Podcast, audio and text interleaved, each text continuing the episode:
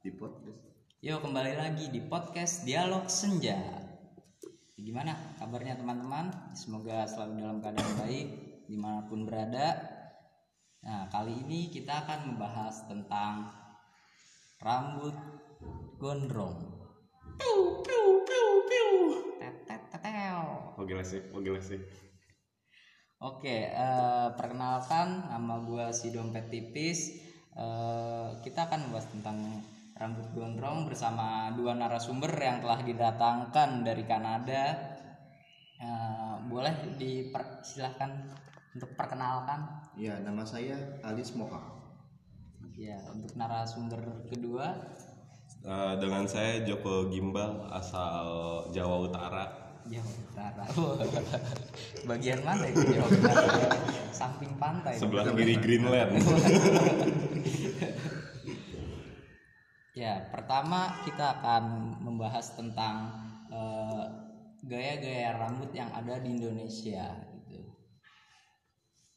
Eh, mungkin dari narasumber pertama, Ya, eh, kita mulai aja.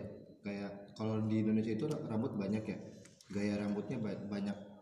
Nah, eh, tapi di kalangan masyarakat di Indonesia tuh persepsi tentang gaya rambut ini jelek di mata masyarakat Indonesia. Karena eh, bagi masyarakat Indonesia rambut yang rapi itu yang rambut rambut yang harus pendek gitu kan bukan rambut yang gondrong gitu. Nah sering kali banyak eh, masyarakat tuh yang menganggap kalau rambut gondrong itu nggak rapi padahal kan sebenarnya enggak tapi tak misalkan ada seorang yang rambutnya gondrong tapi dia rambutnya lurus halus gitu kan. Belum tentu nggak rapi gitu kan. Tiap hari disisiran gitu kan dirawat. Tapi kan belum tentu nggak rapi gitu. Cuman emang karena pandangan masyarakat pa- pandangan masyarakat Indonesia itu sendiri yang menganggap bahwa rambut panjang itu jelek. Padahal kan enggak gitu. Karena gaya rambut ini kan stylenya diri diri pribadi masing-masing gitu kan. Bagaimana dia mau eh, mengekspresikan lewat apa kan terserah terserah mereka gitu kan contohnya kayak anak pang rambut rambutnya mohak gitu kan itu gaya apa itu gaya mereka dan hak mereka untuk mempunyai atau memiliki rambut mohak gitu kan dengan eh, rambut gaya ke atas dikasih pomade atau lem gitu kan iya iya Nah, kalau ada contohnya lain, anak-anak reggae itu kebanyakan rambutnya gimbal gitu kan. Nah itu emang gayanya mereka digimbal gitu. Tapi bukan berarti sesuatu kayak anak pang dengan rambutnya yang mohak dan anak reggae yang rambutnya gimbal belum tentu eh, ketika menganggap masyarakat, masyarakat menganggap bahwa itu jelek belum tentu akhlak atau eh, perilaku mereka itu eh, sesuai dengan apa yang dianggap atau persepsi masyarakat terhadap mereka gitu. Karena eh, karena gaya rambut peril- perilaku itu bukan ditentukan oleh gaya rambut seseorang gitu loh. Ya kayak kebanyakan siswa-siswa atau mahasiswa pun banyak yang sering eh, sering kali mengeluh atau bahkan kesal bahkan nggak masuk ke ke kelas gitu kan gara-gara dia pingin rambutnya panjang gondrong gitu kan atau rambutnya mau dimohakin atau botak sebelah gitu kan apa undercut gitu kan itu emang gayanya mereka mereka yang maunya begitu karena menurut mereka keren gitu kan. Karena setiap orang punya gayanya masing-masing. Tapi di pandangan masyarakat bahkan ya sekolah-sekolah pun atau di universitas-universitas itu sesuatu yang jelek gitu yang nggak rapi. Padahal ketika misalkan orang rambutnya panjang gondrong itu kan bisa dikit ke belakang gitu kan. Jadi bisa kelihatan rapi gitu.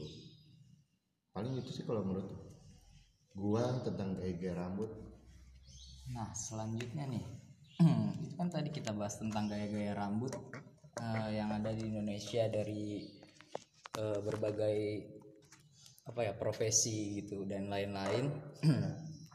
nah, untuk selanjutnya nih eh, narasumber kedua yaitu Joko Gimbal. Ini gimana nih? Mas? Rambutnya beneran gimbal atau gimana nih? gitu ya.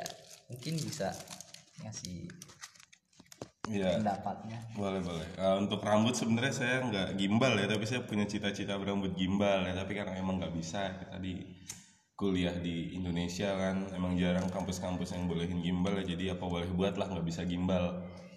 Saya untuk urusan rambut sih saya emang fokus di rambut gondrong ya. Soalnya saya juga ngambil kuliah di Universitas Jawa Utara. Saya ngambil teknik tata gondrong ya. Jadi emang kita ngebahas tentang rambut-rambut gondrong aja di situ. Kenapa rambut harus dipanjangkan, harus pendek dan lain sebagainya.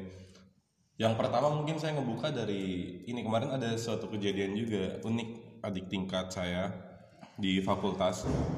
Jadi dia beberapa mata kuliah ada yang tidak lulus eh, IP-nya jatuh ya karena emang ada beberapa doang beberapa mata kuliah yang nggak lulus tapi SKS-nya lumayan besar. Dia banyak dapat nilai A tapi di beberapa mata kuliah dia jatuh.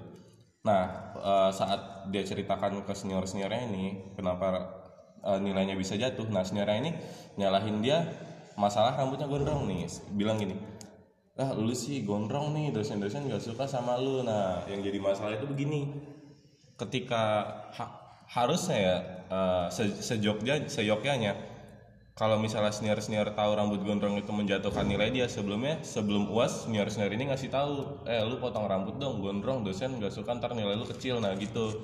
Nah ha- harusnya ngasih tahu gitu. Eh malah ngasih taunya setelah nilainya keluar kan. Berarti kan di situ ada sebenarnya eh, menurut saya itu cuman menjadi alasan menjadi gimmick aja. Sebenarnya sen- senior ini nggak tahu nih kenapa nilainya bisa jatuh. Akhirnya dia nyalahin rambutnya gondrong ya kan harusnya kalau kita mau uh, melihat dari sisi yang lain dia dapat nilai banyak yang dapat nilai A juga nih. Jadi sebenarnya rambut dia itu nggak jadi masalah juga. Uh, di kelas pun dia terlihat aktif dosen-dosen suka dengan dia dan emang ketika nilai uas UTS jatuh ya bisa jadi karena dia belajarnya cuma satu malam sebelumnya atau emang dia nggak belajar kan. Jadinya ya nilainya jatuh. Jadi menurut saya sih sebenarnya bukan salah di rambut gondrong. Pun kalau misalnya ada yang mem- memberi saran nih ke dia saya rasa saran paling baik adalah belajar dong yang lebih rajin.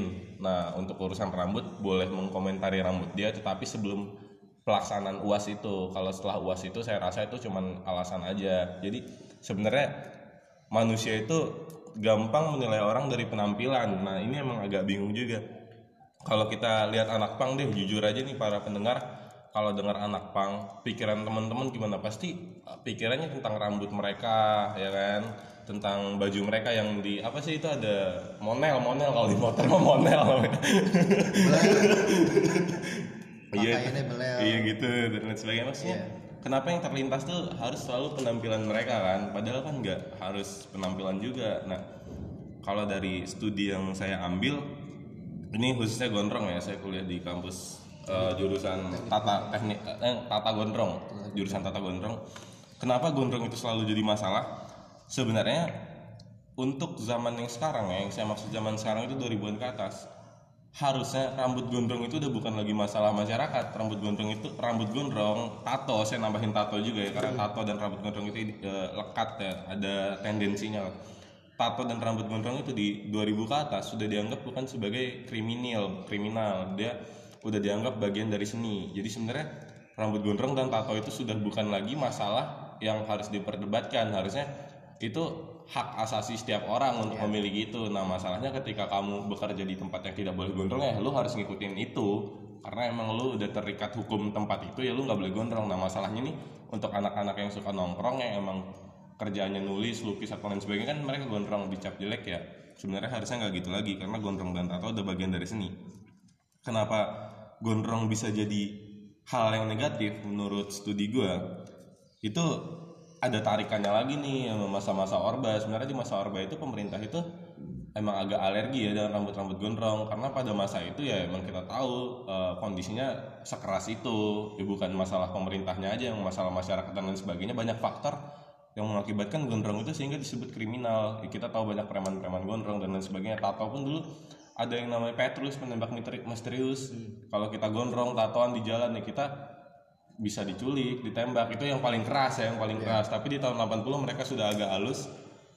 Eh, pemerintah era Soeharto itu nyiptain yang namanya Bakor Peragon. Itu Badan Koordinasi eh, per pemberantas rambut gondrong Bakor Peragon. Jadi fungsi Bakor Peragon ini kalau misalnya di jalan ada anak-anak gondrong, ditangkap lah sama bakar Paragon ini bakar Paragon ini eh, salah satu yang emang dari pemerintah ya jadi itu bukan ilegal itu legal ditangkap dicukur sampai botak. Nah itu. Jadi di zaman dulu itu rambut gondrong itu selalu di stigma negatif dan lain sebagainya. Tapi kan itu dulu ya. Untuk sekarang pun ya kalau untuk sekarang kita nggak bisa bilang itu. Karena tahun 2000-an ke atas itu emang rambut gondrong dan tato itu udah ba- bukan bagian kriminal lagi. Itu udah dianggap seni. Nah yang masalahnya ini kenapa sampai sekarang di stigma jelek ya? Karena orang tua orang tua kita hidup di zaman di zaman orde baru itu yang menganggap rambut gondrong adalah kriminal. Sehingga apa yang mereka pelajari saat muda diturunkan lagi ke anaknya. Dari anaknya diturunkan lagi sehingga menjadi budaya turun temurun menganggap rambut gondrong adalah sesuatu yang negatif. Padahal kalau kita tarik sejarahnya lagi Tem- eh, kalau teman-teman tahu kejadian 10 November ya hari pahlawan itu ya di Surabaya. 10 November. Orang Belanda saya lupa jenderal aja bu- bukan yang meninggal itu ada salah satu jenderalnya jenderal Belanda yang pas agresi itu bilang gini waktu di Surabaya Belanda itu takut sama sekumpulan anak muda berambut gondrong pakai ikat kepala merah bawa senjata. Nah jadi sebenarnya yang ikut memerdekakan Surabaya pada tanggal 10 November itu kebanyakan adalah rambut gondrong yang dibawahi oleh Bung Tomo meskipun Bung Tomo nggak gondrong tapi rambut gondrong itu bukan lagi hal kriminal. Buktinya mereka bisa ikut membantu masyarakat di zaman itu ya. Untuk zaman sekarang pun kalau kita lihat nggak mungkin berjuang lagi yang kayak gitu tapi kita bisa lihat lah ada eh, Seno Gumiro Aji Dharma salah satu penulis dramawan teater film dan lain sebagainya. Dia kan dia juga rektor IKJ Nah, maksud saya nggak semua orang berambut gondrong itu harus dicap negatif bisa dicap negatif. Ya kita berkaca pada Seno Gumiro dia rektor IKJ dia punya punya banyak karya apa dia apa ya dia negatif kan enggak? Iya. jadi untuk saat ini sih saya bilang rambut gondrong itu adalah seni dan ketika kamu menganggap rambut gondrong adalah hal-hal yang tabu, hal-hal yang buruk ya sebenarnya kalian terjebak pada masa-masa orba peninggalan budaya-budaya orang tua kita yang memang orang tua kita nggak seupdate kita sekarang gitu sih. ya saya ingin menambahkan juga sebenarnya ya, ya saya sependapat juga dengan apa yang dibilang Joko Gimbal. Eh, bahkan Ali bin Abi Thalib pun berkata bahwa didiklah anak, didiklah anakmu sesuai dengan zamannya. Jadi kita nggak juga nggak bisa nyalahin orang tua ketika ngedidik anaknya tuh ya orang setiap orang tua pasti punya cara didik masing-masing bagaimana anaknya berperilaku dan bagaimana anaknya berpenampilan gitu kan. Tapi eh, yang harus kita teruskan ya sekarang tapi kan apa kita harus mengikuti orang tua itu harus mengikuti bagaimana anak-anak yang ingin dia inginkan gitu yang harus didukung ketika selagi itu masih bisa baik dan nggak ngeganggu eh, perihal akademisnya itu nggak masalah gitu selama eh, dia di sekolahnya masih nilainya bagus eh, nggak ada masalah atau segala macamnya gitu kan cuma masalah di rambut atau bagaimana gitu kan Nah, contoh kasusnya kayak tato juga. Tato itu yang saya pernah nonton di YouTube, mungkin salah satu acara TV juga di luar di luar. Itu eh, ada kayak lomba bikin tato. Jadi tato-tato artis itu di jadi kayak istilahnya kayak master chef lah. Ketika orang masak tato dia. Bukan masak tato. Ketika seseorang ingin menjadi koki yang handal, eh, ajangnya di master chef karena kan masuk ke pertelevisian gitu kan. Nah, ini, ini juga gitu. Ketika seseorang yang bisa punya bakat tato itu diikut di, dilombakan gitu. Yang yang yang yang juara ya. Maksudnya yang paling bagus yang bakal juara gitu. Nah, ada satu challenge itu pender, salah eh, penderita breast cancer atau kanker payudara. Kan kalau kanker payudara itu pasti kan eh, harus dihilangkan kankernya kan atau bagian yang ada kankernya di bagian payudaranya. Nah itu kan pasti di- dipotong lah atau diapain. Nah kalau di, di di videonya itu saya kaget. Saya kira nggak bakal bakal disensor ternyata enggak tapi emang diperlihatkan eh, payudaranya tapi emang nggak punya eh, apa disebutnya tuh? Agak susah. puting. Nah putingnya itu nggak ada. nggak ada karena sudah di operasi operasi Iya. kanker. Tapi di luar sana itu ketika seseorang ya bayangin aja seorang perempuan nggak punya puting gimana sih gitu loh. Jadi karena malu juga di depan banyak umum eh, banyak yang kayak apa apaan sih ini orang udah nggak kayak feminim feminim lagi karena nggak punya puting gitu kan perempuan ini gitu. Nah perempuan perempuan ini akhirnya eh, dijadiin kalau kalau para tato eh, apa Tato artis. yang eh, para pembuat tato itu biasanya nyebutnya kanvas. Karena kan pelukis pun nyebut ya kanvas ya kanvas. Cuman kan kalau tato kan pasti di badan. Nah akhirnya kan ya, bad, ya akhir badan badan itu disebutnya kanvas kan.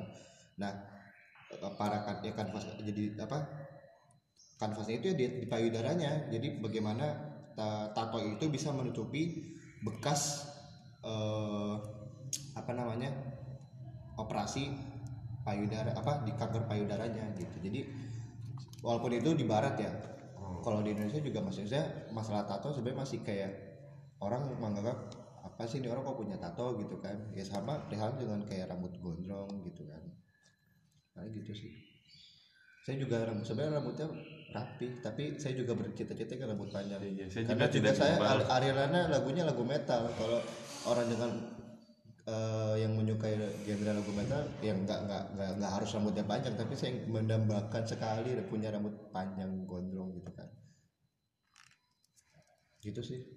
Oke, ya, tadi kita udah mendengar gimana eh, pendapat dari dua narasumber kita tentang gaya rambut, eh, terutama dari narasumber yang kedua yaitu Mas Joko Gimbal sih tentang rambut gondrong yang ada di Indonesia itu eh, kenapa sih dicap jelek gitu? Ya ternyata itu emang berawal dari dari zaman Orba yaitu ada suatu gerakan dari pemerintah yaitu namanya apa tadi? Bapor Peragon Bakpar Peragon ya itu Badan Koordinasi Pemberantas Rambut Gondrong. Nah selanjutnya eh, mungkin saya ingin bertanya eh, bagaimana mengubah stigma yang ada di masyarakat itu agar eh, orang-orang yang memiliki rambut gondrong atau gaya-gaya rambut yang lainnya itu agar di- tidak di stigma jelek lagi gitu agar tidak dicap jelek lagi oleh masyarakat gimana? Karena ini sudah tu- turun temurun ya mungkin ya dari orang tua kita dari zaman-zaman pas or- orba ini gitu. Iya. ya mungkin dari saudara Alis Mohak. Ya kalau menurut saya eh, bagaimana supaya mengubah pandangan masyarakat terhadap eh, rambut gondrong dan semacamnya eh, ya masyarakat sendiri itu pun harus harus terbiasa dan membiasakan buat kayak mengubah persepsinya tentang eh, rambut yang mempunyai rambut gondrong ini atau ya dari kalangan umur maksudnya nggak nggak cuman yang orang yang sudah kuliah atau yang sudah bekerja ya maksudnya dari anak-anak pun eh, itu sudah mulai ya mengubah persepsinya tentang bagaimana gaya rambut itu tidak menentukan bagaimana eh, akademis mereka gitu. Karena banyak juga siswa-siswa yang eh, mungkin pernah bikin status-status gitu di sosial media yang eh, menganggap bahwa rambut dan sepatu ya rambut dan sepatu tidak menghalangi Snapback dan tato Snapback dan tato. Rambut dan sepatu dan rambut dan sepatu itu tidak tidak mengganggu pelajaran. Apa maksudnya ya ya saya benar juga maksudnya ya seseorang yang punya rambut panjang gitu atau misalkan eh, siswa ya siswa yang punya rambut panjang dan bahkan misalkan kalau di sekolah kan misalnya sepatunya harus hitam gitu dan misalkan sepatunya warna-warni atau semacamnya itu yang nggak ganggu pelajaran mereka. Maksudnya emang kalau misalkan mereka lagi belajar gitu kan emang bakal ngeliatin sepatunya gitu bakal mainin rambut kan enggak gitu bakal bakal apa eh, memperhatikan apa yang guru jelaskan. Cuman untuk siswa-siswa yang yang ingin rambutnya gondrong ya itu harus ber, ya dirapiin juga. Maksudnya kan dimulai itu kan nggak langsung drastis kayak langsung lu nggak boleh ngejudge gue kalau misalkan rambut gue gondrong gitu kan enggak tapi kan kita harus misalnya dari yang rambut gondrongnya sendiri kayak eh, kalau emang rambut rambutnya panjang kan eh, masyarakat maunya rambutnya rapi gitu kan. Jadi harus ketika panjang ya jangan biar biar terurai misalkan dicoba diikat gitu kan kayak kalau cewek kan kebanyakan ya rambutnya panjang mungkin diikat gitu kan atau dikuncir atau segala macamnya gitu kan jadi nggak langsung kayak eh, perubahan drastis lah gitu nggak tidak memaksa tapi memulai sedikit sedikit gitu sih oke terima kasih pendapatnya. Nah, mungkin dari Joko, Gimbal, gimana nih pendapatnya? Ya untuk gimana caranya masyarakat nggak nganggep gondrong itu sebagai sebuah tabu ya sebenarnya uh, saya sih un- untuk saya pribadi ya saran saya belajar mengenal. Yang saya maksud belajar mengenal itu bukan lagi ah dia gondrong. Dia gondrong nggak gitu nggak nggak kita nggak cuman kenal karena dia gondrong aja maksudnya kita harus kenal dia itu seperti apa. Uh, saya kasih contoh beberapa orang. Sultan Hasanuddin pahlawan nasional gondrong. Apakah ada yang mempermasalah gondrong ya? Kan enggak itu kenapa dia gondrong yang nggak dipermasalahkan ya? Karena dia pahlawan nasional. Kita semua tahu dia pahlawan nasional sehingga kita udah nggak mempermasalahkan lagi ketika dia gondrong. Bahkan Nabi Dia- Muhammad katanya gondrong juga. iya itu saya belum pernah lihat fotonya ya. Itu emang nggak boleh. iya. Banyak yang bilang kayak iya maksud saya ketika alasan klasik dari para orang yang rambutnya gondrong Iya, gitu. ketika kita mengenal orangnya kita sudah nggak mempermasalahkan gondrong lagi. Itu Sultan Hasanuddin seorang pahlawan. Yang kedua kita tahu Sunan Bumiro dia penulis dan lain sebagainya. Ketika dia gondrong ya kita tahu dia penulis bukan orang berambut gondrong sehingga ketika dia berambut gondrong ya kita tahu dia suka rambut gondrong tapi di luar itu kita tahu dia siapa. Kita belajar mengenal. Ada Ariel Lesmana 420 gondrong ada yang mempermasalahkan ketika dia baru mulai manggung kan rambutnya gondrong banget tuh tapi nggak jadi masalah karena dia kita tahu dia dia penyanyi dia punya sesuatu yang bisa ditonjolkan selain rambut gondrong itu terus siapa sih namanya yang ini? Eh, pemeran Thor Thor Thor Thor Thor nggak? Tahu Thor nggak? Mas Alis Gimbal pemeran Thor. Iya, eh, Chris Hems- Hemsworth. Ya itu, nah dia kan gondrong ya pas jadi Thor, tapi nggak dia mempermasalahkan ketika dia gondrong karena dia eh, bisa berteater, eh, berakting dan sebagainya, berlakon. Maksudnya ketika kita ingin menjustifikasi seorang gondrong ini sebagai sesuatu yang salah, saya rasa kita harus mengenal dulu dia ini apa, dia ini bisa apa gitu. Jadi fokus kita nggak cuma di gondrong dan untuk himbauan juga sebenarnya untuk orang-orang yang pengen gondrong ya jangan cuma menunjukkan sisi gondrongnya aja harus ada karya yang dikeluarkan biar gondrong ini bukan jadi masalah lagi. Yang pertama itu sih. Untuk yang kedua ya emang harus ada perubahan stigma sih saya rasa. Untuk ya, kalangan-kalangan tua juga untuk orang-orang tua ada beberapa juga yang emang nyantai gitu kan anaknya punya rambut gondrong tapi emang ada beberapa juga yang ya masih agak risih lah Iya, jadi kalau eh, yang orang tua yang apa mengizinkan anak gondrong itu masih minor sih, maksudnya masih belum banyak. Iya ya. Tergantung orang tuanya juga sih. Kalau orang tua saya sendiri kebetulan ayah saya kan di dunia seni ya, seni, seniman, wayang dan lain sebagainya, seniman daerah Jawa ya. Jadi dia mempersilahkan aja sebenarnya saya mau gondrong atau enggak. Masalah saya di dosen sebenarnya. Makanya nggak bisa gondrong, nggak bisa gimbal ini gara-gara dosen Padahal ada juga. tata gondrong.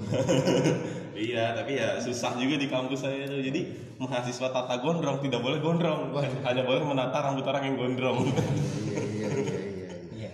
Iya kayak gitu sih. Jadi sebenarnya mas eh, ini sih masyarakat generasi Y ya generasi Y yang sekarang ini kan generasi Z tuh baru-baru masih masih bocah lah ini kita yang generasi Y ini yang lahir tahun 90-an sampai 2000-an itu harus sudah paham bahwa gondrong itu bukan lagi masalah kerapihan, bukan lagi masalah bandel dan lain sebagainya. Gondrong ini bukan sekedar gaya-gayaan tapi identitas diri gitu maksud saya gitu. Kayak contohnya ada orang yang suka pakai kaos tiap hari ya ya karena dia suka pakai kaos ada yang orang yang tiap hari pakai hoodie kan karena dia merasa keren pakai hoodie ya udah ada orang yang merasa keren rambut gondrong ya biarkan gitu pun saya agak ini sih agak risih sama stigma orang-orang yang bilang ah rambut gondrong nih gondrong banget nih nggak bisa jaga penampilan kayak gitu ngerti nggak? Padahal yang harus kalian paham apalagi untuk anak-anak psikologi ya saya bukan anak psikologi jadi saya nggak paham jadi ngasih tahu aja ini.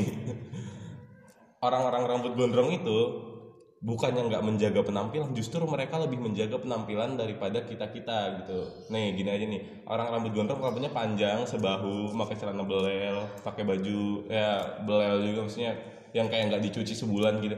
Nah itu mereka menjaga penampilan mereka dengan itu mereka suka dengan itu ya mereka pakai itu. Apalagi untuk memanjangkan rambut itu nggak nggak gampang loh. Maksudnya dia butuh kondisioner butuh vitamin rambut dan lain sebagainya. Jadi sebenarnya mereka pun merawat penampilan mereka tapi dengan cara yang berbeda dengan kita. Tapi mereka merawatnya lebih sus lebih sulit upaya daripada kita. Seharusnya kita nggak lagi menjudge mereka sebagai orang-orang yang nggak nggak menjaga penampilan. Toh penampilan mereka ya emang kayak gitu.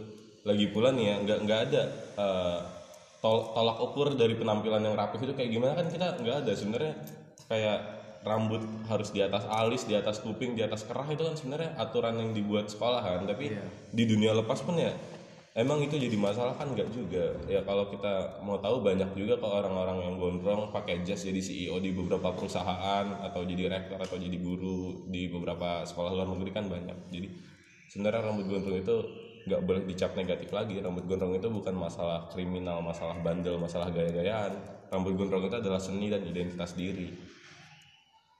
Iya. Ya, itu pendapat dari Mas Joko Gimbal tentang bagaimana mengubah stigma dan eh, apa namanya Eh, Pola pikir lah. pola pikir Pandangan. di masyarakat Indonesia itu tentang rambut gondrong. Eh, kalau kita tarik beberapa kesimpulan dari eh, Mas Alis Mos- Mohak dan Mas Joko Gimbal bahwa eh, rambut gondrong ini eh, dicap tidak baik itu mungkin di beberapa bidang seperti di bidang pendidikan itu pasti itu tidak boleh. Karena mungkin melihat kerapihan dari penampilan seorang siswanya gitu. Seperti di dunia kerja juga mungkin itu rambut gondrong itu tidak boleh karena orang akan melihat eh, dari penampilannya juga pertama kalinya dan ya, di beberapa bidang-bidang lainnya lah. Mungkin eh, di dalam dunia seni itu kan lebih ke bebas, berekspresi. mungkin itu lebih cocok gitu. Iya. kalau menurut saya di dalam apa untuk rambut gondrong ini. Dan di dalam masyarakat Indonesia itu ya ini balik lagi bagaimana menilai seseorang itu selalu dari penampilannya gitu Iya. kan ya itu Iya banyak juga yang kayak eh, paling apa? Ya banyak kayak yang bilang kayak apa namanya? Seseorang itu dilihat dari penampilannya, tapi ada juga yang bilang don't judge a book by its cover gitu kan. Jadi ya itu tergantung bagaimana kita menafsirkan penafsirkan aja dan bagaimana eh, pendapat mana yang mau kita ambil sih paling gitu aja. Ya, saya sih coba mengajak teman-teman untuk memulai ya. Maksud saya mulai eh, bukan ngajak teman-teman gondrong ya. Mungkin teman-teman ada yang nggak suka gondrong juga, tapi menurut saya cobalah untuk berteman dengan anak-anak gondrong. Eh, biar teman-teman semua tahu nih sebenarnya anak-anak ini gondrong kenapa nggak mungkin dong dia gondrong cuma pengen gaya-gayaan doang. Mungkin ada beberapa ya ada teman saya contohnya Kenapa dia memilih gondrong saat kuliah ya karena dari SMP sampai SMA rambutnya selalu dirazia guru ada ada penekanan sih. Maksudnya dia ada konflik psikis juga sebenarnya kalau kita membahas dari sisi, sisi psikologi kan.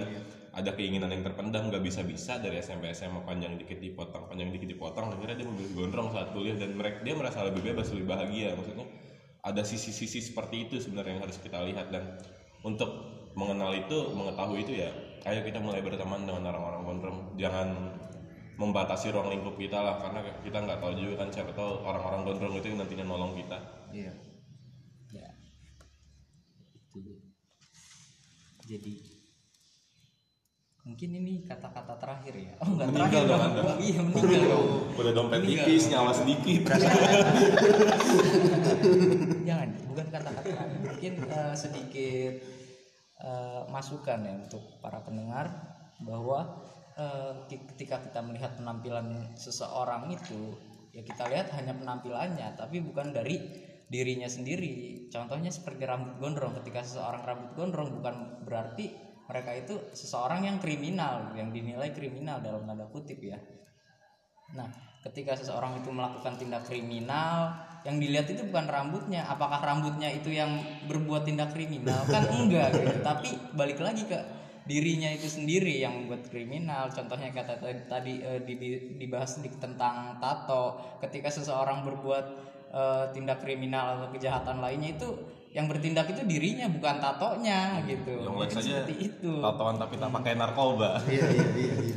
Contohnya seperti itu. Yang yang pakai narkoba tapi nggak tatoan. ada juga yang nggak pakai tato tapi pakai narkoba ya mungkin seperti itulah pola-pola pikir yang ada di masyarakat Indonesia mungkin yang ini harus dirubah gitu dimulai dari dunia pendidikan itu sendiri terutama di dunia apa ya ruang lingkup dia bermain dan lain-lain. Mungkin seperti itu nah untuk terakhir nih gimana? Eh, ada pesan atau saran gitu untuk para pendengar tentang rambut gondrong ini gimana? Dari saudara Alis Mohak. Asik. Uh, think first before you act. Jadi lo harus mikir dulu sebelum lo, lo bertindak. Jadi apa yang ketika lo melakukan sesuatu itu harus pikirin baik-baik. Gak asal bertindak dengan tanpa ada pertimbangan lebih lanjut. Paling gitu sih. Oke terima kasih nih. Kalau dari Mas Joko Gimbal gimana nih? Iya, kita nggak boleh menjustifikasi orang lain lewat penampilan ya karena setiap apa pun yang dikenakan atau dilakukan oleh manusia menurut saya itu adalah jati diri, ekspresi dan seni. Oke, mantap mantap. Ya mungkin ini udah akhir-akhir kata ya. Dari ini semoga para pendengar bisa menikmati, bisa mengambil manfaat. Mungkin kalau ada kata-kata yang kurang berkenan atau ini jangan dimasukin ke hati, tapi dimasukin ke kuping aja cukup dipentalin lagi. Salam senja. Oke.